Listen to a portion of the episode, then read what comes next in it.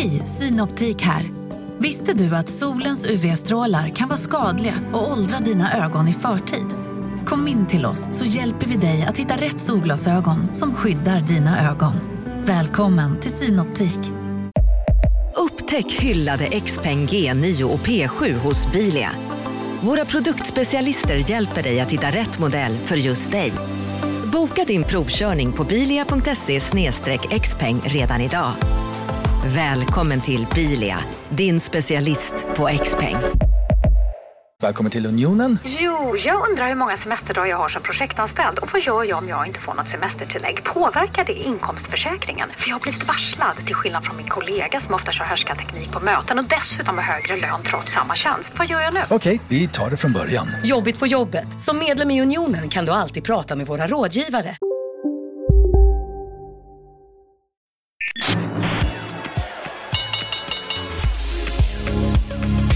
Det här är Marknaden med Helene Rothstein. Hej och hjärtligt välkommen till podden Marknaden. Jag heter Helene Rothstein och nu sitter jag här med Henrik Milton som är fondförvaltare på Coeli. Välkommen hit! Tack så mycket! Du är huvud, huvudförvaltare, tänker jag, med, på Coeli i två fonder, eller hur? Ja, det stämmer. Jag förvaltar ju Coeli Global Select tillsammans med Andreas. Där ansvarar vi för, eller vi förvaltar den fonden tillsammans och sen så har vi startat en ny Global Small Cap där då jag är huvudansvarig för den. Och Andreas han var med för några år sedan. Andreas Brock heter han va? Ja. Och eh, då minns jag att han pratade om vinnare. Han var så vinnar fokuserad. Alltså jag tror han pratar i och för sig om världens finaste bolag. Vilka är de finaste bolagen? Ja, men vi har ju fortfarande våra champions som vi kallar dem och eh, man kan säga så här att eh, man kan beskriva dem på många olika sätt men det är ju företag som är lönsamma. De har oftast väldigt starka balansräkningar, de växer och eh, om vi tar då Global Select så är det företag där som man använder varje dag i sitt liv. Om man, om man, man till exempel börjar med, med L'Oreal man använder sitt schampo på morgonen. Eh, vi har, vad heter det, Mastercard. Man, man, betalar med sitt Mastercard. Vi har Apple, det är ju Apple-telefonen. Eh, och, och, man kanske har, vad heter det, köpt någonting på ICA där kyldisken kommer från BRF. Så att det, det är verkligen liksom eh, världens finaste företag som nästan, vars produkt man nästan använder varje dag. Medgångssupporters kan man nog säga. Go with the winners. ja. ja, men jag kommer ihåg att han sa ungefär att vinnare, de, är ju, de har ju blivit så stora och så bra av en anledning och det är för att de är bäst. Mm. Är det så?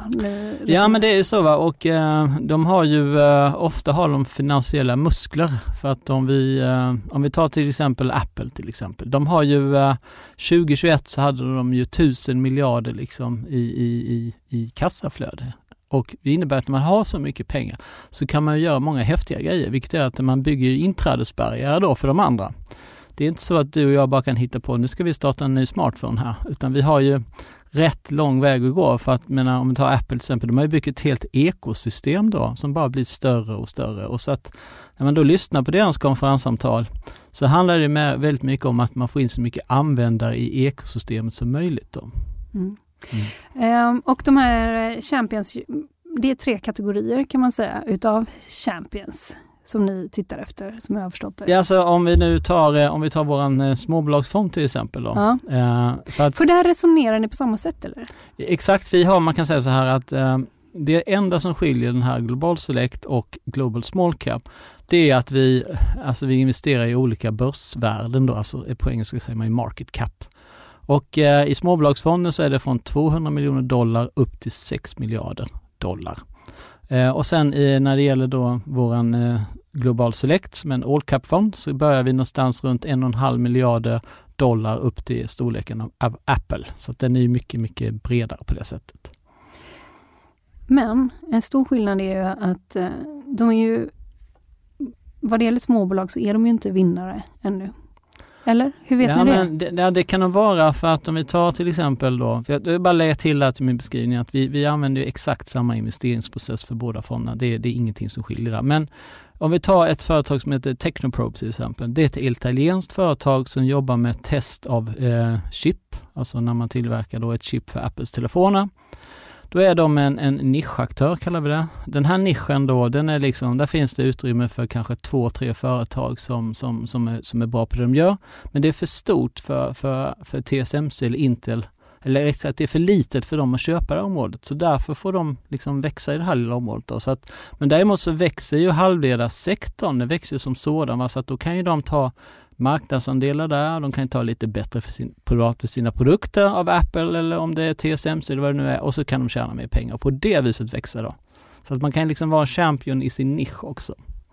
För jag tänker också, jag läste eller hörde någonstans att det var liksom, som du var inne på nu, att det är nischaktörer, det är snabbväxande bolag eller en disruptör. Precis. Ja. ja. Disrup, eh, disruptör. Disruptor. Ja. ja. Liksom. Finns det på svenska, disruptör? Är det jag som har skrivit det? Störa en affärsmodell. Ja. Som Komma in som en kon konkurrent. Ja, som Fortnox är. Precis, det är ett ja. jättebra exempel. Då. Ja, som kommer in och stör. Liksom. Och, ja. ja, och det som är så, och då använder ju Fortnox, nu hoppar vi till dem, de använder ju då teknologi som ett verktyg för att växa. Och då går de in och, eh, om vi kallar det då disrupta eller stör de traditionella liksom, eh, bokföringsprogrammen med sitt bokföringsprogram i molnet.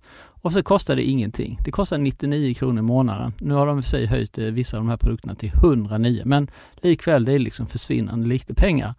Och sen har de en enorm tillväxttakt och det är ju liksom, jag brukar säga att eh, Fortnox är under earning, vilket innebär att de faktiskt skulle kunna dubbla priserna på alla sina produkter och förmodligen inte tappa speciellt många kunder. Och därför blir det liksom en sån här när man då inser det här och tittar på det här, då får man nästan svindel när man tänker på hur, liksom, hur, hur stort det här kan bli då. Och sen är de bara verksamma i Sverige. Det här skulle man ju lätt kunna skala till utlandet. Är du lite otålig att de inte har gjort det? Absolut. Att de inte har blivit ännu mer lönsamma, att de inte har skalat snabbare? Nej, men, eh, de är, jag tror att de är så lönsamma de vill vara. Alltså de kan själv bestämma hur lönsamma de vill vara för att allting handlar om hur mycket de ska investera och marknadsföra. Men det här är ju ett tillväxtbolag, så de vill ju inte, de vill ju liksom inte sluta liksom investera för att växa. Så jag tror att, säg att de har en ebit-marginal på 30 procent och det är jättebra faktiskt. Men, men, eh, men de vill ju växa och de, så de balanserar då tillväxt med, med, med en MAB-marginal, en vinstmarginal. För att om du tittar på, hade Fortnox varit amerikanskt, då hade ebit-marginalen varit mycket lägre. För då hade de investerat allt för att växa. Och det kan man säga eller med amerikanska bolag? Då, då, alltså man, kan vara, man kan generalisera så? Mm. Ja men om vi, nu hoppar vi från ett litet företag till ett jättestort företag som heter Amazon. Ja, jag känner till det. Du gör det. Ja. kanske till och med använt deras tjänster. Och, ja. och det, det, jag vill bara ge en liten utsvävning med Amazon. Jag var på en sån här betalningskonferens i eh, Las Vegas 2018. Och då var Amazon där. De hade ett event med American Express och jättesmart. Då var det så här att American Express de gjorde en, eh, alltså, alltså de gjorde så att företagarna med sitt kort kunde använda kortet som working capital. Och sen så köpte de allting hos Amazon, så fick de poäng, så att det blev liksom ett poängsystem då. Ju mer poäng man fick, desto mer rabatter fick man ju då. Men Amazon då, de är ju otroligt flexibla, så att jag, jag, jag, har tänkt på det i efterhand, hur snabba de kan ställa om för att 2020 och 2021 var det bara investera, bara växa, anställa folk. Men sen så viker efterfrågan, eh, vi går ur den här covid-fasen, folk börjar köpa mer i butik och då så börjar de helt plötsligt svänga om det här till att dra ner investeringstakten så att Amazon som är den här giganten, de agerar som ett litet företag med ganska tajt ledningsgrupp som kan liksom svänga ganska snabbt. Jag, jag tänkte på att det är ju som en, jag gjorde ju sånt här eh, hajdyk i Sydafrika och då sa de så här att eh, Stoppa inte ut några händer ur den här hajburen för att en, en vithaj som är ganska stor, den kan vända på en femöring. Och det är väl lite som, som Amazon, de kan vara ganska flexibla trots att de är en stor vithaj. Tänkte du på det när du var i buren, det att det var lite som Amazon? Nej, jag, alltså, jag jobbade inte med investeringar på det sättet då, utan jag tänkte på det nu igår faktiskt. Jag funderade på dem och tänkte att det är en likelse där då. Ja. Nu är ju Amazon snällare än vithaj i och för sig, men... Ja, men, men då förstår jag lite vad du säger. Du menar också så här att eh, man ska, ett bolag, när ni tittar på bolag så ska de själv kunna välja vad de ska göra med pengarna. Exakt. Det är det du menar? Liksom, ja. Ska vi så fortsätta investera, ska vi låta lönsamheten ta stryk här och mm. fortsätta mm. Eh, mm. tillväxt eller ska vi, ja. Precis och, ja. och, vi har ju de här företagen då som vad ska man säga, det finns ju olika grader då va? Men, men om man tar Amazon till exempel då. De, de, de bestämmer ju själva hur mycket pengar de ska ha på sista raden. Det är ju hur mycket de investerar och, och Amazon har inget mål att de ska vad heter det, visa en hög net income eller en nettovinst utan de vill ju växa. Men sen så har vi ju då andra företag som du tar till exempel uh, Mastercard eller Microsoft och så vidare, de tänker ju helt annorlunda där. De visar ju återköper mycket aktier, de delar ut aktieutdelning och så vidare, trots att de är väldigt lönsamma då. Så att de, de behöver liksom inte alla pengarna för att växa utan de kan ju faktiskt dela ut också. Men du menar man som investerare ska man förstå deras logik då? Och ja, kunna man, följa den? Ja, man måste och, och liksom, sympatisera med den? Ja, nej, men det, det räcker ju egentligen att titta på fem kassaflödesrapporter tillbaks i tiden så kan du liksom hitta det mönstret ganska snabbt då. Antingen så är man en sån som återinvesterar allting för att växa eller så har man en balans då som kanske Fortnox där man då växer och betalar ut utdelning då. Um, jag tänkte på detta då, Champions, som vi är inne på, både mm. stora och små eh, mm. bolag. Och sen så har ni också något som kallas för special situations eller situations bara? Ja, ja men det stämmer det. Och eh, man kan säga så att ungefär i genomsnitt så har vi ungefär 15% i vad vi kallar då special situations. Det, det känns kan... svårt. Eh, som en amatör känns det svårt med special situations. Ja, men det är, jag tror att det är så egentligen den gemene svensken placerar pengar, tyvärr. Ja. Ska säga. För att ja. när, alltså när jag, jag har träffat mycket olika investerare och de flesta är ju spekulanter då, det vill säga att oh, den här aktien är billig. Titta på aktiekursen. Den kostade 200 och nu kostar den 20. Det här måste ju vara jättebilligt. Men, men vi vet att det är inte det man ska titta Man ska titta på värderingen. Och eh, i det här fallet så är det precis det vi gör. Vi tittar ju på värderingen på det här företaget. Vad är det för förutsättningar de har just nu? Hur ser deras makroekonomi ut till exempel? Vi har gjort en jätte, vi gjorde en, en, en special sits i JM till exempel, då, som är faktiskt en av Sveriges bästa byggare. Så att även om det är en special situation så behöver vi inte köpa skräp utan vi kan faktiskt köpa det bästa. Och vi hade även då kungen av, eller Rolls Roycen av traktorer, alltså John Deere. Det är de gröna traktorerna med de gula fälgarna. Där gjorde vi en fantastisk special sits och det var några saker som drog. Det var till exempel att de skulle göra då, dra ner med färre modeller, öka marginalerna och sen hade de det här med teknikhöjden då, de, alltså farm cloud, alltså det vill säga att man kan komma upp traktorerna mot molnet och så vidare. Så, där. så, att, eh, så det var ju massa drivare där hittade, så den var ju superhärlig där. Och de behöver då alltså inte vara de bästa bolagen, alltså champions, eh, utan de kan vara i en speciell situation.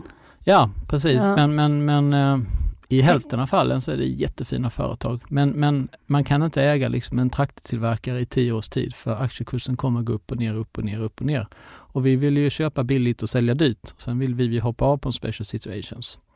Medan om du tar till exempel ett Microsoft eller ett Mastercard, de tickar ju på hela, hela, hela tiden. Det kan ju nästan lägga en linjal på den här aktiegrafen.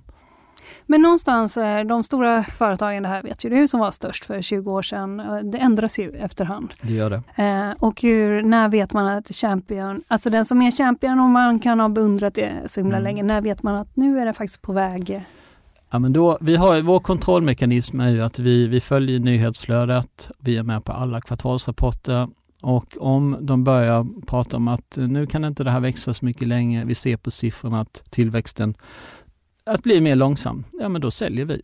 Mm. Vi har inte gift oss med de här aktierna eh, utan vi, vi kan sälja, det är inga problem. Ni sålde Paypal? Vi sålde Paypal, ja. Eh, den pratade vi om och eh, det var ju samma sak där och om vi ska backa tillbaks bandet till februari så var det ju det att de hade guidat väldigt högt i termer av användare som de skulle få. Eh, de plockade väl bort en 30% av den guiden och sen plus att de också tog ner hela guidens då. Och då störtdök ju Paypal till exempel. Och det, ja, det var inte kul för oss men, men vi gjorde rätt i att sälja allting direkt. För att nu har den gått ner ännu mer. Hur snabba är ni då?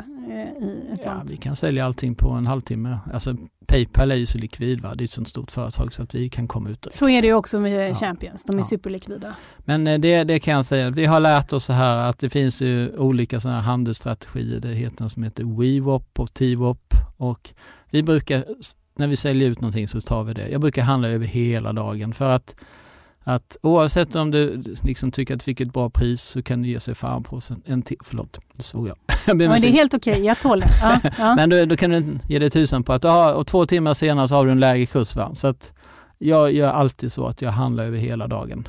Ja. Och det har man, som professionell investerare så har man ju den möjligheten men om man ska handla en, eh, fyra aktier på Avanza så kan man ju inte sprida ut över dagen. Det blir lite töntigt liksom. Så att, eh, Men om vi tar de här små bo bolagen. Ehm, det finns 10 000 eh, ungefär små bolag mm, över hela världen som ni kan välja bland. ja. Hur eh, går det till? Ja men eh, då gör vi så att vi, vi börjar med att exkludera då det vi inte kan köpa för att vi har ett, ett hållbarhetsfokus på både vår småbolagsfond och den stora Global Select. Så att då är det ju då till exempel tobak, olja, gas, vapen, alkohol. Det åker ut direkt. Så att om det är någonting vi inte kan äga så är det digitalt. Är det, är det, kan vi köpa det så går det vidare då. Och sen så tittar vi ju väldigt mycket på nyckeltalen.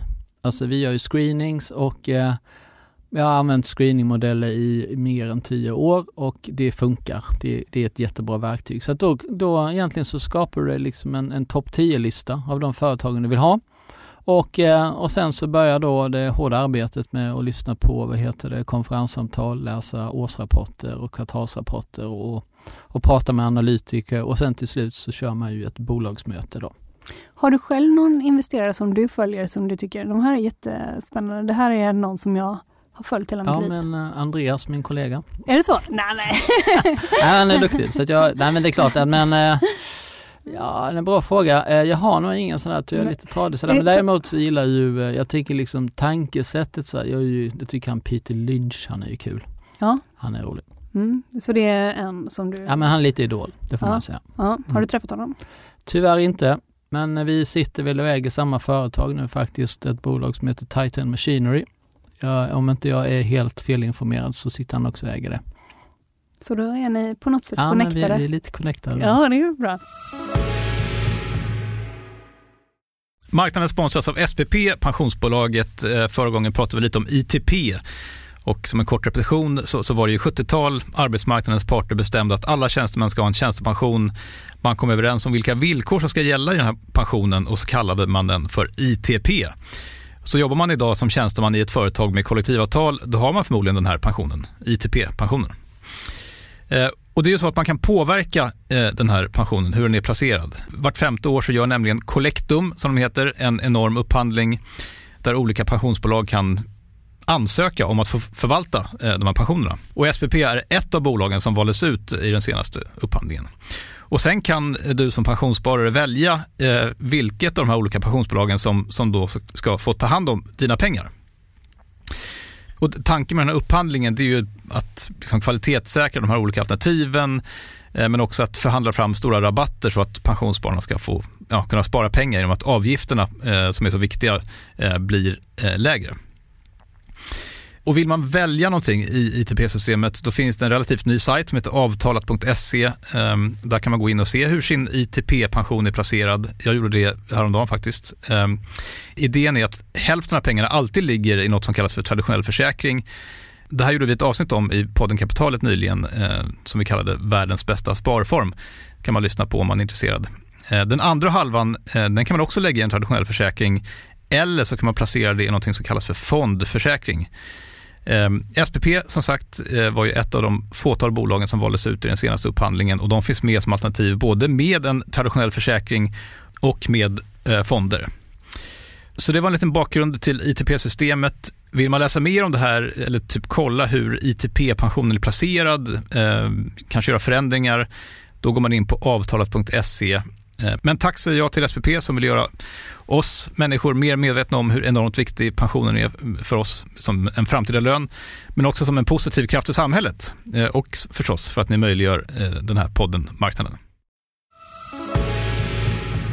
Det som jag har också noterat är att det nästan ser ut som att ni har liksom tvillingar också, bolag som Mm. kanske inte alls är tvillingar, men som jag tänkte på här, då var det till exempel något som heter Clearfield, som Mm. är inte helt olikt eh, Hexatronic. Stämmer det? Ja. Svenska Hex- Ja. Hexatronic.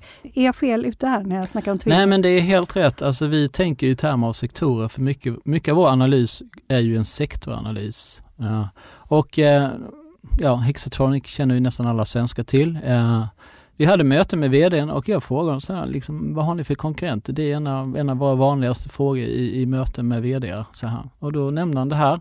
Jag tittade på dem, gjorde analysen och så inte, ja, tänkte att och, och han beskrev ju caset väldigt bra att det är en, det är en, lång, liksom en lång tid som man kan investera i, i amerikansk eh, bredbandsutbyggnad. Så därför tyckte vi den lät lättspännande. Vi har ett annat exempel här på, på homeshoring då. Eh, vi har det svenska Note och det finska Incap. Man säger så här, 2020 så började ju det här med problem med, med, med försörjningskedjorna. På engelska säger man ju supply chain.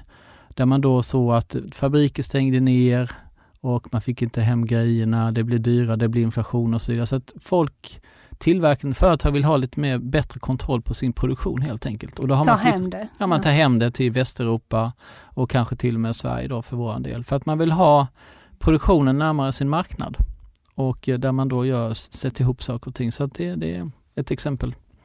Och sen så tänkte jag på ett annat som jag såg här, det var Comfort System. Just det. Ja. Ett installationsbolag som påminner lite väl om Instalco. Ja, men jag skulle nog säga att de är, de är nog, det är en eh, amerikansk tvilling till, eh, till Instalco är Comfort System. Ja, ja, det är det. Det är installationsbolag. Och eh, det är lite kul så här för att eh, man tänker ju så här att eh, eh, Amerika, allting är så jäkla coolt och häftigt och så vidare. Så där, men när vi kommer då och gör det här mötet i Houston då med, med vdn, liksom, det är en gammal gubbe som sitter där va, och, och, och och sen är det CF, eh, CFO eller om det är en ekonomi, ekonomiperson eh, som, alltså, ja, det är liksom helt vanliga människor va, men de är så himla duktiga på det de gör. De har en passion. Och han, eh, alltså då blir den här lilla comfort system, det blir ju liksom en champions för han, han säger så här att vi gör allting som är så jäkla krångligt att installera. Det kan vara rördragningar, det kan vara elinstallationer och så vidare. Men de är bäst på det de gör och nu under senaste kvartalsrapporten så visar de att de klarar att hantera kostnadsökningar. Så att de skeppar igenom hela liksom, eh, alltså de här eh, kostnadsökningar, skickar över dem till kunden och sen så la de på sin marginal. Jag tror de växte 24 eh, procent varav hälften var inflation och hälften var organisk tillväxt. Det här pratas det ju väldigt mycket om tycker jag nu, inte minst den senaste kvartalsrapportsäsongen som var. Mm hur bolagen hanterar sina kostnadsökningar och därmed också marginalen, att man tittar jättemycket på det. Vad tycker du inför Q3 som kommer här nu? Vad, vad tycker du man ska hålla koll på ja, generellt? om, man nu, om företagen gör det de säger att de ska göra, det vill säga höja priserna, så skulle jag säga att jag ser en återgång till lite bättre marginaler. De företag som misslyckades då med att höja priserna, de kommer ha gjort det i Q3 och sen så är de förmodligen klara i Q4. Att de har klarat det då? Alltså då har de höjt sina priser och sen så är det ju så att vissa, om vi tar Arjo till exempel, de har ju eh, sjukhus som kunder och de ja, jobbar de, med de lyfter, Det är mycket så här lyft, Precis. en patient ska hit och dit. Och så. Exakt, ja, och de, de, jobbar med ramavtal och det är väldigt svårt för dem att komma och säga, hör du, nu vill vi höja priserna med 15 procent här. Det går inte för vi har ett ramavtal så att de får ju liksom bearbeta kunden och försiktigt liksom. Men, men nu är det ju liksom så allmänt känt att det finns kostnadsökningar så att jag tycker liksom det är taskigt av kunden om inte Arjo ska ha sina marginaler, så kan man säga. Men frågan är ju då vem som är kund om man är tillräckligt snabbfotad för, ja. för den här processen. Då. Men, men ja. sen har du Microsoft till exempel, alltså som har då jättemånga slutkunder, kanske du och jag och sådär. Och de kunde de bara skicka ut prishöjningen. Vi, nu kostar det Office 365 30 högre och sen så får man bara tugga i sig det. För det finns inget alternativ. Nej, just det. Om man är, om man är på Champions-sidan. Ja, och, och där blir det ju också lite mm. viktigare nu då och, mm. Eh, med pricing power, hur ensam ja. man är då inom ja, sin sektor, eller? Mm. Jo, det är så att och en del av den här äh, liksom analysdelen i Champions, det är att titta på vad har man för möjlighet att höja priserna. Om man har väldigt bra produkter som alla vill ha, då kan man höja priserna. Om jag ska byta en Apple-telefon imorgon, alltså bekymrar mig inte så mycket om den kostar 9700 eller kostar 9900. Jag, jag behöver bara ha den här telefonen för det är så stora summor ändå. Men för Apple kanske det är jätteviktigt att få höja de där 200 kronorna för att då klarar de sina marginaler. Ja, ja jag, jag förstår. Du, att du överhuvudtaget kom eh, in på detta, att du överhuvudtaget är fondförvaltare. Mm. Det börjar med typ någon kärlek vid första, första ja, ögonkastet? exakt. Jag kan säga att jag, jag om man backar till bandet då när jag var liksom tonåring, då, mm. då min farfar då, han eh, älskade aktier och eh, han inspirerade mig. Så att jag köpte då 90-talet där i början när vi hade fastighetskrisen, då köpte jag SEB-aktien för 5 kronor. Och sen gick den till 100 eller något sånt där, jag gjorde 20 gånger pengar på den. Det var en liten summa men, men så att, och sen har jag hållit på med lite aktier så att det har liksom alltid funnits latent liksom det här aktieintresset då. Och när jag pluggade, jag var i Frankrike som utbytesstudent så så ringde jag till eh, Swedbank från en telefonkiosk på kvällen och sålde aktier för att finansiera mina, mina studier där. Va? Och det var ju som tur var våren 2020 innan IT-kraschen.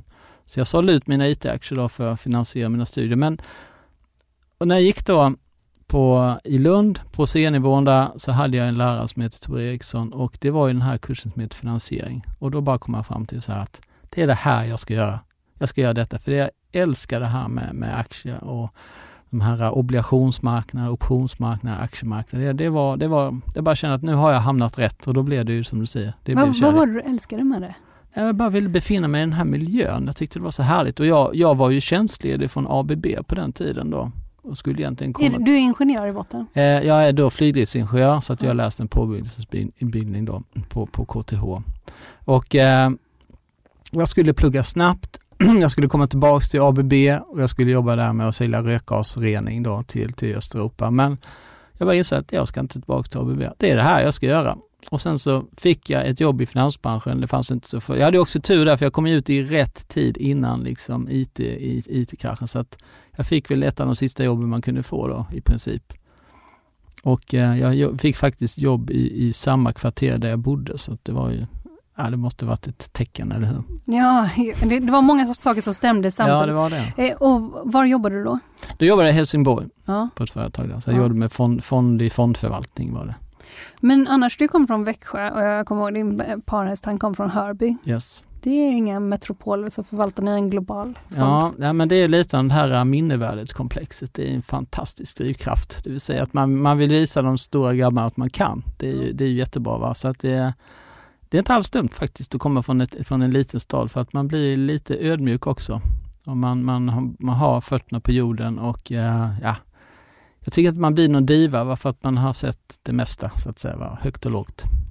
Ja, du menar det man är lite jordnära? jordnära ja. eh, finns det någon fördel också om du har jobbat så här i ABB, så jättestort eh, företag, alltså industri, svensk industri. Finns mm. det någonting du kan ta med dig därifrån? Som ja, men det är ju dels är det det här med, om man tar det här ABB i Växjö då, som jag jobbade på. Det var ju 10% av alla anställda jobbade med forskning och utveckling så att av de här tusen personerna så var det 100 som jobbade med det här. Och det inser man att, och det var ju deras edge, att de var bäst, liksom bland de bästa på just tekniken och rökgasrening. Och sen en annan sak, det är ju det att man inser ju att den omsvett, omsättningen på ett företag, den svänger ju inte alls om aktiekursen. Utan det är mycket trögare såklart. Va?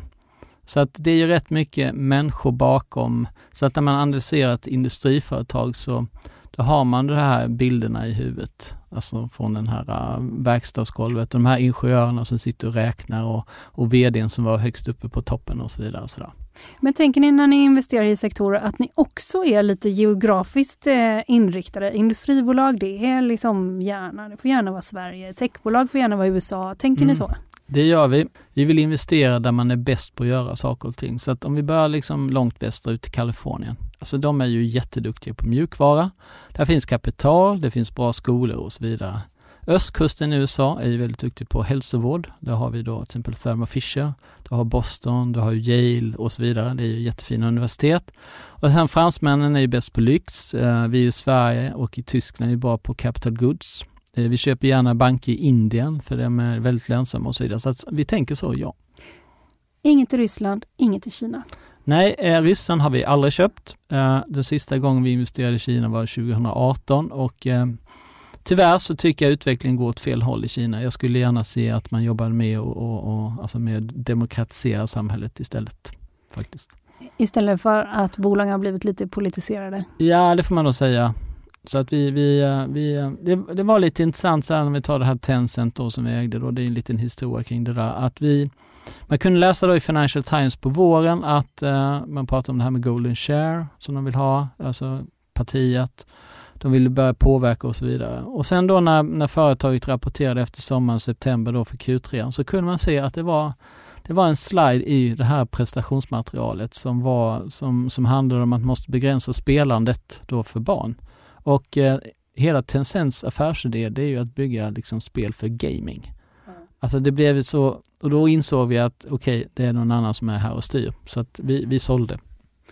Och man har ju sett det också på flera andra mm, mm. Liksom, kinesiska bolag, ja. typ Kinas U Uber, Didi, heter ja. de Didi eller någonting? Ja, ja, Faktiskt väldigt intressant, intressant att se vad som händer med Kina här mm. framöver. Eller Exakt. håller du någon spaning på det? Eller är det liksom bara, nej, du, du, du, ni tittar inte där. Ni har en global fond, ni tittar inte på Kina ens. Vi investerar i företag som är demokratiska länder, så kan man säga. Det, det är vår liksom förhållningsregel. Har det, det vi... har, har det mest med pengar att göra? Att det blir liksom renare, det blir inte insmetat något annat? Ja, eller? men det, det, handlar ju ganska mycket om att eh, ett företag ska få verka liksom helt fritt efter sina egna förutsättningar. Det vill säga att det ska inte vara någon korruption, inget politisk styrning eller något sånt där. Man vill ju liksom att, ja, att de ska liksom få ut sina produkter och att de ska få liksom göra sitt bästa och det ska inte finnas någon stopp i någon form av liksom politisk begränsning. Ja, men, ja, intressant. Eh, om man ser då till eh, den stora fonden, eh, mm. Select, då har det också skett ett sektorskifte kan man ju säga, eller ja. hur? Eh, som där healthcare, nu health care. Hälsovård kan vi säga. hälsovård, tack. Ja. Där det har blivit eh, så mycket större. Ja. Och vad är det som har tagits bort? Ja men då är det så här att eh, när jag kom in då 2016 så hade vi 15% i fastigheter. Vi hade, gjorde jätte, tjänade mycket pengar på tyska fastigheter för att eh, du kunde köpa en, en lägenhet i, i Berlin billigare än vad den var i Hörby till exempel. Så att det var för billigt. Vi red den, eh, den trenden i några år och idag så har vi mindre än 2% i fastighet. Vi har ett belgiskt logistikbolag och vi gillar fortfarande logistikbolag för de har mycket att göra. Så att då tog vi de här eh, 15 procenten ner till, eh, till vad heter det, 2% Vi bullar upp i hälsovård och har 20% idag och det är max för oss att ha i en sektor. Vi har även då eh, tjänat mycket pengar på halvledare. Vi, vi ägde till exempel TSMC och vi sålde den i januari och jag tror att vi satte den perfekt liksom på all time high. Är det apropå Kina och Taiwan-hotet där också? Det är två saker med TSMC. Det ena är då det den geopolitiska situationen då som är, som är lite otäck. Och sen det andra är ju att de måste investera så enormt mycket för liksom att bygga ut sin kapacitet då, för det är det de håller på med. Eh, vi har ju kvar halvledarsektorn. Vi har ASML då, det här eh, holländska företaget som tillverkar maskinerna som tillverkar eh, chippen. Och det finns ju bara ett företag i världen, så den, den känner mig trygg med. Och sen har vi då Technoprove som är ett italienskt bolag och sen har vi Nvidia då. Och Nvidia hade ju en, en lite sämre rapport. De har ju gått ner rätt mycket och det marknaden varit rädd för det är ju det att konsumenten då, då tänker jag de här killarna och tjejerna som sitter och spelar på sin kammare. Det är den, den delen som varit lite svagare. Och sen då hade vi 2020 och 2021 med, med en boom i gaming och så att det blir ganska jobbiga jämförelsetal för dem. Så att därför har ju aktiekursen kommit ner då. Och vad det gäller hälsovård, vad mm. har ni tagit in där? Ja men vi har ju till exempel det här United Health. Det är ju, eh, vad kan man säga, det, om man tänker att alla de pengarna som betalas in till din, din vård då, den hamnar liksom i en portfölj. Och de pengarna administreras av United Health och de har 300 000 anställda. Sen har vi till exempel Thermo Fisher då, som är ett otroligt innovativt företag som jobbar inom medicinteknik. De uh, tjänar en jäkla massa pengar på just uh, coronatester. Sen använder de pengar sen och investerar i ett helt annat verksamhetsområde så att det är jättefint. Ja. Så att det, det är två företag där. Och sen var det någonting inom röntgen, eller hur? Man kunde jobba på olika ah, delar. Okay. Ja, då, är, är, det hälsosektorn också? Det är också hälsovård, men då ja. hoppar vi in i Global Small Cap nu. Ja, ja. Då pratar vi om ProMedicus. Så heter det? Ja, det är ett Australiensiskt? Australien. Vi hade möte med den vdn också, så att han var uppe sent på efter, eller han var på eftermiddagen, vi tog det på morgonen och man kan säga att det här är Netflix för röntgenbilder då. Så då kopplar Spännande! De, så då, då, kopplar de på sin, sin utrustning på röntgenapparaten som kanske levereras av Siemens.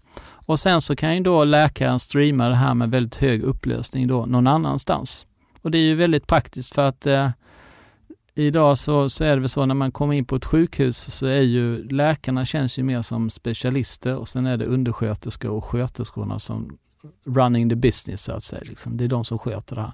Och eh, om det finns få läkare då kan ju de vara väldigt mer effektiva genom att de tittar på de här skärmarna. Och det här kan man få sin iPad, man kan få det på sin telefon och så vidare. Så här, för att Apple-telefonen har ju väldigt fina skärmar idag och det har ju även då Samsung såklart. Vad väntar man på inom hälsosektorn? Vad, vad, vad tycker du? Så här, oh, om någon kunde knäcka det här så skulle det vara... Ja, men det är cancer till exempel. Ja, cancer väntar vi Cancer på. har vi den, ja precis. Uh, sen har vi det Alzheimer såklart. Eh, det finns väl bromsmediciner idag va, så alltså, men det är väl, det är väl några år då, men, men det går väl enormt mycket pengar till det idag va, så att det, det, det kanske ligger där någon i framtiden och jag hoppas det, att vi kan bota de här otäcka sjukdomarna. Flera av de här är också digitala. Tittar ni också på liksom lösning? Arjo är ju ganska handfasta Ja, grejer sådär, Ja. som man kan ta Ja. på. Eller det är väl helt enkelt handfast. Ja. Tittar ni på andra sådana hjälpmedelsbolag? Eller, eller förstår du vad jag menar? Jag tror att eh, de, de företagen vi har, då förutom det här eh, ProMedicus, då, de, är ju, de tillverkar någon pryl. Det kan vara ett preparat eller en spruta eller något, något testsystem och så vidare. Och. Men vi kan väl säga där lite med Arjo, det är ju lite spännande va? för att de har ju bland annat eh, jag kommer inte ihåg den andra produkten, men ena produkten är någon sån här SEM-scanner då. De jobbar ju mycket med liggsår. Då ska man då alltså kunna scanna liksom huden för att se, eller man ska kunna upptäcka ett liggsår innan det blir ett liggsår. Och det här är, hörde en historia då. Det finns ett företag i Los Angeles där då Arjo har köpt 10% av det. Och eh, nu är de då global distributör av det här Arjo och sen ska de försöka då liksom skala upp det här och sälja det globalt då. Så att de gör en del fräcka grejer sådär. Plus att de är väldigt sugna på att göra förvärv också, om inte jag hörde helt fel. Jag är en del på ålderdomshem för jag har en Mm. gammal mormor. Hon är Mm. 101 år. Oj! Ja, det är gammalt. Ja. Eh, och en, ett, en rörelse som man inte har löst, som man, jag tänker hur, hur svårt är detta? Det är ju när du sitter och ska upp till rullatorn. Mm. Det är ju ganska liksom, Ja. ansträngande grej och där Ja. finns ingenting. Det har du inte sett? Nej men vi får väl ta och ringa känner Arjo och berätta att Ja, eh, hur- titta på det här. Ja, titta på det här. Liksom, Ja, den rörelsen ja. från stol till rullator ja. och sen ner till stol igen. Mm. Det är svårt. Ja. ja men det de, eh, de har säkert en produkt så de kommer kanske ringa upp oss här och berätta det. Men, men, eh, men det jag gillar med det här det är ju att de vill ju att den här vistelsen på sjukhuset ska vara värdig. Att du säger att de har ju till exempel ståsängar så att man, man spänner upp kroppen i en ställning så kan man stå upp och, och de har det då en del av sina sjukhussängar som är väldigt fina som roterar då för att just när under coronatiden så behöver man liksom avlasta kroppen lite grann. Va? Så att de har ju fina lösningar för det här så att de gör ju mycket gott för världen alltså med sina produkter. Ska jag faktiskt spana in och tipsa där på hemmet där hon eh, Ja. är. Du, jag bara tänkte här på eh, makroläget. Vi pratade ju lite om Kina och vi har ju också i Sverige eh, en inflation som tickar uppåt och Mm. det är ju faktiskt inte in- inflation i hela världen, det ska man komma ihåg. Men här har vi ju det som tickar Mm. upp. När, ni, när du tittar ut eh, liksom globalfondperspektiv, vad tittar du efter just nu? för Vilka makrofaktorer följer du? Ja, vi tittar ju såklart på inflationen. Eh, Jag tror att det är en jättestor puckel och det vi har från denna punkten det är en nedförsbacke. Så att när vi träffas om ett år så tror jag att vi har en inflation på kanske 2% plus minus 1 procent. Då träffas vi om ett år så kollar Ja. vi det. Ja. Det gör vi och, eh, och det kommer utifrån att vi, vi har köpt mycket saker och ting i, i Ryssland, eh, olja, gas, naturtillgångar och så vidare. De har blivit helt plötsligt 10 dyrare för att vi måste köpa dem någon annanstans. Det är en sak. Eh, och sen så tror jag med, med räntenivåerna, alltså att eh, om man höjer räntan för högt, ja men då dödar man ju ekonomin, då, då stoppar ju allting upp. För att vi, det är ju så här att vi, vi måste bo och vi måste förflytta oss för att ta oss till jobbet. Gör vi inte det så tjänar vi inga pengar. Så därför är det ju viktigt att, att det är ju det bland det sista vi betalar då, förutom mat, att vi, vi- de här sakerna. Så därför måste man ju då se till att det är rimliga nivåer på allt det här, för annars så suger man ju bort alldeles för mycket pengar till det. Och det, det kommer vara jätteviktigt, det tittar vi på. Men sen är det rätt kul så här att jag, vi pratade med HDFC igår, det är ju Indiens finaste privata bank och så pratade vi om inflation. Och då säger han så här, men eh, alltså, vi har ju levt i en inflationsmiljö väldigt, väldigt länge och eh, vi har ingen löneinflation för att eh, jag har, det finns 1,3 miljarder indier som jag kan välja ifrån och anställa så att eh, liksom om någon har för höga löneanspråk så kan de bara ta nummer två i kön då. Alltså den näst bästa sådär. Så att eh, det är väldigt olika förutsättningar. Så att emerging markets, till exempel Brasilien och Indien, de är ju vana att leva med inflation. Det är vi här i den här världen som är så otroligt bortskämda då.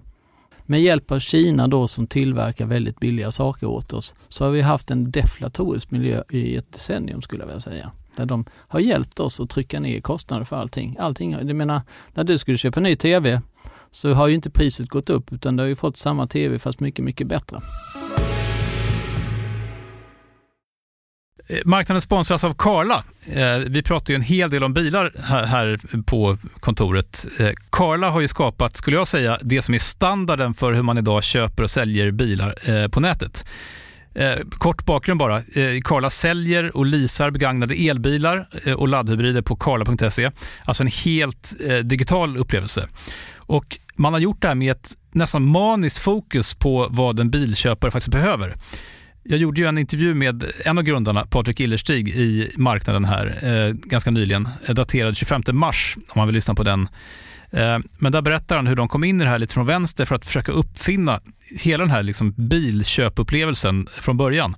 Och de har idag, vilket är rätt otroligt, 4,8 i betyg eh, på Trustpilot. Jag, jag har sett många företagssidor på Trustpilot, men det här är nog bland eh, det bästa jag någonsin sett eh, faktiskt. Man kan sälja bilen till Karla också. Då går man in på karla.se, delar lite info om bilen, sen får man en gratis värdering och ett bud. De hämtar bilen helt gratis i hela Sverige och så har man pengarna på kontot i samma stund som de hämtar bilen. Det är grymt.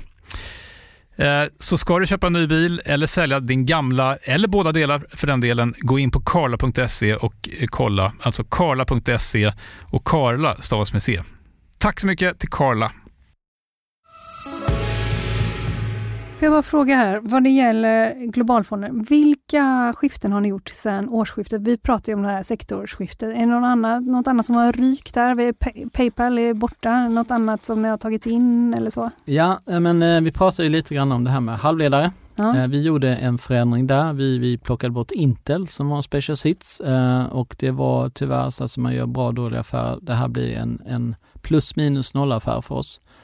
Jag trodde att Intel skulle gå mycket bättre på, på en uppvärdering då, det vill säga att en PL-multipeln skulle stiga. Men den, den funkade inte helt enkelt. Så att vi sålde den på plus minus noll. Eh, vi pratade om Paypal eh, på säljsidan. Vi har sålt, eh, vi sålde ut DER. Vi har sålde vårt eh, näst sista fastighetsbolag som var Vonovia. Det är de som köpte Victoria Park. Eh, som äger massa miljonprogram. Precis. Ja. Eh, och sen på köpsidan då så så köpte vi det här uh, Technoprobe, det är ett italienskt uh, företag i, halvledarsektorn. Vi har gått in i ett företag som heter Siegfried Holding som är jättetrevligt. Vad gör de? Det är alltså kontraktstillverkare av läkemedel och det är en mer avancerad homeköringstrend. Hade ni Recifan? Nej det hade vi inte, men vi, vi, vi betade av teman efter teman och ja. vi hann inte riktigt komma dit kan man säga. Men, ja. men vi har Siegfried och vi, vi, jag tror att vi pratade med någon person som hade jobbat på Recifam, alltså han var ute i organisationen som gav oss input där. Men eh, vi har till exempel köpt eh, Alphabet då, som äger då Google Search och de har Youtube och så vidare. Och eh, det här företaget, jag tycker det var alldeles för billigt, för det är så otroligt dominerande. Och det är ju... Eh... Jo men det här är ju, men det har det väl varit länge? Varför har, har ni kommit in i det först nu? En bra fråga. Det har varit lite, ja, vi har liksom, det är ju lite här med att de, de tittar ju bland annat på, de, de undersöker ju allting som, som skickas, de liksom monitorerar ju allting. Och det där har känts lite då jobbigt för oss, så att vi har väl kommit på att ja, men vi får nog acceptera det där va, men och sen så var den ju alldeles för dyr här eh, alltså under 2020, 2020 och 2021, men sen har den kommit ner. Och nu så är ju marknaden lite avvaktande här till liksom om de tror inte de kan växa så mycket. Men, men Likväl så tror vi, jag tror att det är ett jättespännande företag fortsatt. För jag menar, jag använder alltid Google Search, jag börjar använda Youtube mer och mer, inspirerad av mina barn till exempel, som tittar, tittar på de här filmerna. Så det är ett jättefint företag. Och sen, jag vill bara prata om eh, ett annat bolag till här, det är ju det här MSCI som du säkert säger till. De som har MSCI-indexen. Uh, och det fina med de här företagen är att de, de lägger ner, alltså man kallar det forskning och utveckling för att ta fram ett index. Det, det kanske är en ganska simpel grej, men, men du betalar de det för det en gång och sen så tjänar de pengar för det tiotusentals gånger varje dag. Och levererar till börserna? Precis, ja. och det är liksom en, en, det är ju ingen som konkurrerar med MSCI för de äger ju indexen kan man säga. Och sen vi, äger vi också då S&P Global som äger S&P 500. Och jag gillar den här typen av sekulära tillväxter. Så att de, de växer ju ändå trots att det är jobbigt. Vad tror du om eh, den svenska börsen här? Ja, kan man säga någonting Ja, generellt? jag tycker vi kan väl börja med liksom de som sitter med sina OMX30 ETF. Jag hade nog inte behållit dem. Alltså det, det är ju Alltså vad har vi där i det svenska indexet? Vi har ju mycket bank eh, och tittar du på en banks utveckling, aktieku- aktiekursen de senaste tio åren så är det väl flatt ungefär va? Du hade H&M, H&M är ju lite svårt. Eh, sen så har du våra telefonoperatörer som också har varit eh, aktieobligationer, brukar jag lite skämtsamt säga då, det vill säga att de Ticka på. tickar på, de betalar utvecklingen men aktiekursen står still. Alltså förutom Tele2 då. Och sen har du eh, finverkstad, det är ju Atlas, Assa Abloy och så vidare, jättefina företag. Sandvik håller ju på att klättra uppåt lite grann. Så att du har ju väldigt eh, cyklisk eh, exponering då. Och eh, om man tittar i år då så är det ju det är jobbigt att sitta med, med svenska aktier i år eftersom det gått ner så mycket. Va? Så att jag, det borde kunna finnas en, en viss uppsida det här tycker jag, alltså i, i svenska börsen. Men, men jag hade nog avstått från att köpa den där ETFen eller en indexfond på Sverige i alla fall, det kan jag säga. Eh, Mm. Ni är ute och träffar bolag. Jag kan tänka mig att en mindre än småbolagsfond, det är mycket mer arbetsintensivt. Man måste träffa det entreprenörerna. stämmer. Ja. Ja, hur gör ni? Eh, vi, eh, vi ringer upp dem och så ber vi om ett möte. Eller så använder vi några av våra mäklare som fixar mötena åt oss. Eh, och eh, det är kul för att de, jag tror att de tycker att det är lika roligt att vi ringer dem som att, det att vi ringer dem. Alltså det, det finns en ömsesidighet där. Och nu har jag varit inne på väldigt många konferenssamtal här i sommar då. Jag har väl gjort ungefär 45 stycken eller något sånt här och många av dem har ju varit småföretag. Och det är inte så många investerare på de här mötena utan det är ju det är några analytiker så att det är väldigt lätt att ställa frågor. Så är det. Och eh, det är ju kul för de, är, de, de uppskattar ju att man kommer och, och sen så börjar de känna igen en. Okej, okay, Okej, det är du igen. Så, där. så att, eh, det är väldigt trevligt. Tycker också om att vara ute på bolag och Mm, träffa mm, mm. eh, VDs och, och så vidare ute på bolag. Har du något, här, något rum du alltid vill gå till? Jag vill ju inte sitta i konferensrum för då kan jag lika gärna vara här ju. Ja, ja. Har du något så här, nej du vill faktiskt se detta eller liksom någon faktisk plats som du kollar efter? Jag kollar köket om de har städat. Nej, jag bara skojar. Ja. Men, Nej, men- nej, jag måste nej men säga att jag- hellre, jag jag, jag, jag- kan har- föreslå att vi sitter i Ja, matsalen ja. hellre. Ja. nej, men jag tänker nog lite mer så här, eh, jag försöker tänka liksom lite, jag, t- jag liksom tar helikoptervyn, om vi tar det här Technoprobe till exempel. Ja. Eh, De är ju i norra Italien och eh, i norra Italien det är väl ungefär som att vara liksom i Gnosjöbältet då. Det finns massor med företag. Nu bor jag nog hellre i, Italien än vid Gnosjöbältet men, men, eh, men du har ju liksom en hög levnadsstandard. De har ju mat och dryck, eh, de har ju skidåkningen i Alperna, de kan åka ner till Venedig och de har stränder och så vidare. För att människor liksom kan ju njuta, de kan ha en livskvalitet vilket innebär att de är kvar där. Så det är nog mer sådana faktorer jag tittar på. Och sen så, så tittar man ju rätt mycket på person, man försöker liksom läsa rad, mellan raderna liksom vilket engagemang de har. Och eh, alltså när vi var hos de här Technoprobe så fick jag en sån här eh, vad heter det, skiva där man då har tryckt massa sådana här halvledare och helt enormt hur mycket omsorg la in att paketera den här till mig då för jag skulle kunna ta hem den på flyget då. Så det, det är helt fantastiskt. Va? Så att man, kan, man märker lite vilket engagemang de visar. Har någon sweetness eh, till det. Ja, ja, ja men det tycker jag nog. Okej, För det är eh, den här passionen då hos entreprenören. Som ni letar framförallt då i mindre bolag. Mm. Men de kan också finnas i, i, i större bolag där entreprenören är kvar. Alltså vi snackade ju tidigare här om Amazon till exempel och Ja, ni har ja. Adobe, är han kvar va? Ja, han är kvar, ja. Ja. Chanton ja. Ja, det är det. Ja, och, ja. och ni har dem också till Ja. exempel. Och Ja. där blir det så här alltså att eh, om man nu tar alltså de större företagen då. Om vi tar nu liksom eh, eh, Tim Cooks, han, var ju, han kände ju Steve Jobs, va? de var ju liksom de kompisar så här. Va? Men när det är liksom när, när den här äh, grundaren på något sätt liksom har ebbats ut lite och han är borta, va? då är, tycker jag det är viktigt att man har en, en VD som är produktintresserad, som är produktorienterad.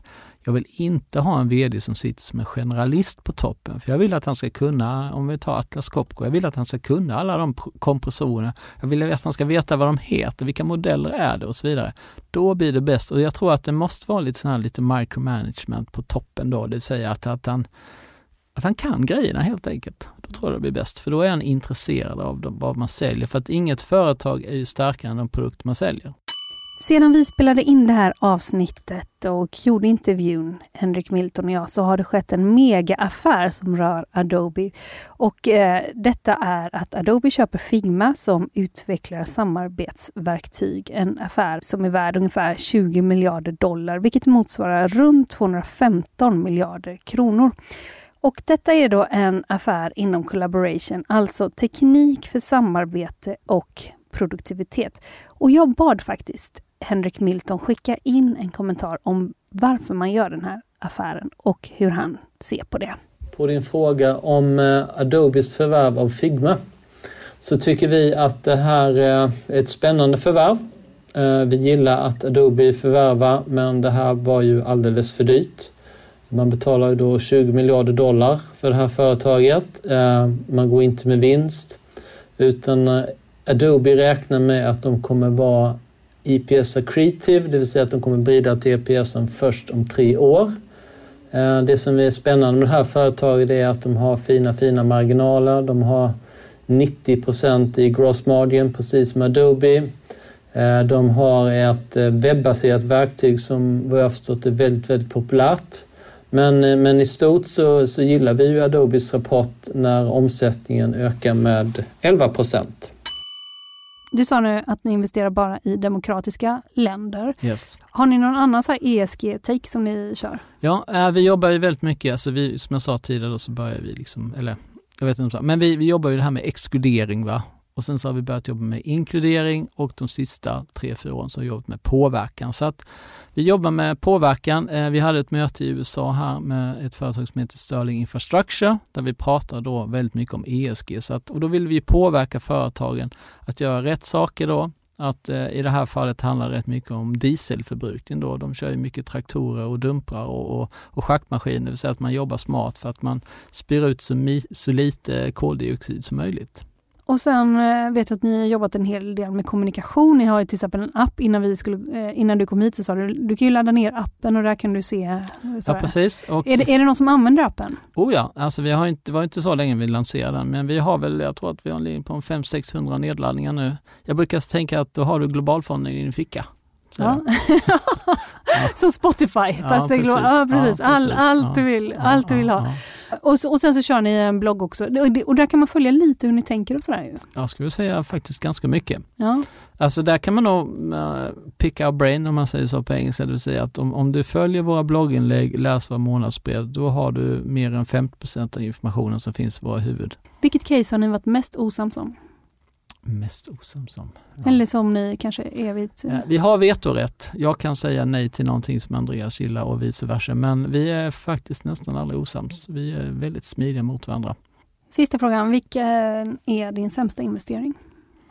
Det måste vara eh, Banco Macro och Grupo Supervill i Argentina. Ja. Eh, det är ju, vi har ju ett mandat att investera i Frontier men vi kommer vara otroligt försiktiga med det framåt. Men två jättefina banker, otroligt bra, men det som inte funkade bra det var makroekonomin. Argentinas ekonomi? Ja, det vill säga att de, de, eh, de hade en jättebra president som heter Mauricio Macri då, som, som gjorde de här reformerna som eh, alla banker, eller egentligen alla utländska investerare gillar och sådär. Så för det, det som är så kul med Argentina det är, det är att alla de här småhusen, alla hem, allting, allting är obelånat. Så det var ju liksom som att, att om du får Argentina att funka, det är ju som att köpa Sverige 1980. Du har liksom 30 år av kredittillväxt. Det är när man ska använda sitt hus som en uttagsautomat och konsumera och sen så lånar man på huset och sådär. Det har ju varit helt fantastiskt. Liksom. Det är ju en investerares dröm att få göra om en sån resa men det föll på att de, inte, att de bytte president och sen så var det inte så reformvänligt längre. Och det finns ju också en tradition ja. av, av politiskt vanstyre mm. kan man ju säga. Mm. Stort tack till dig Henrik Milton för att du var med i podden Marknaden. Tack så mycket.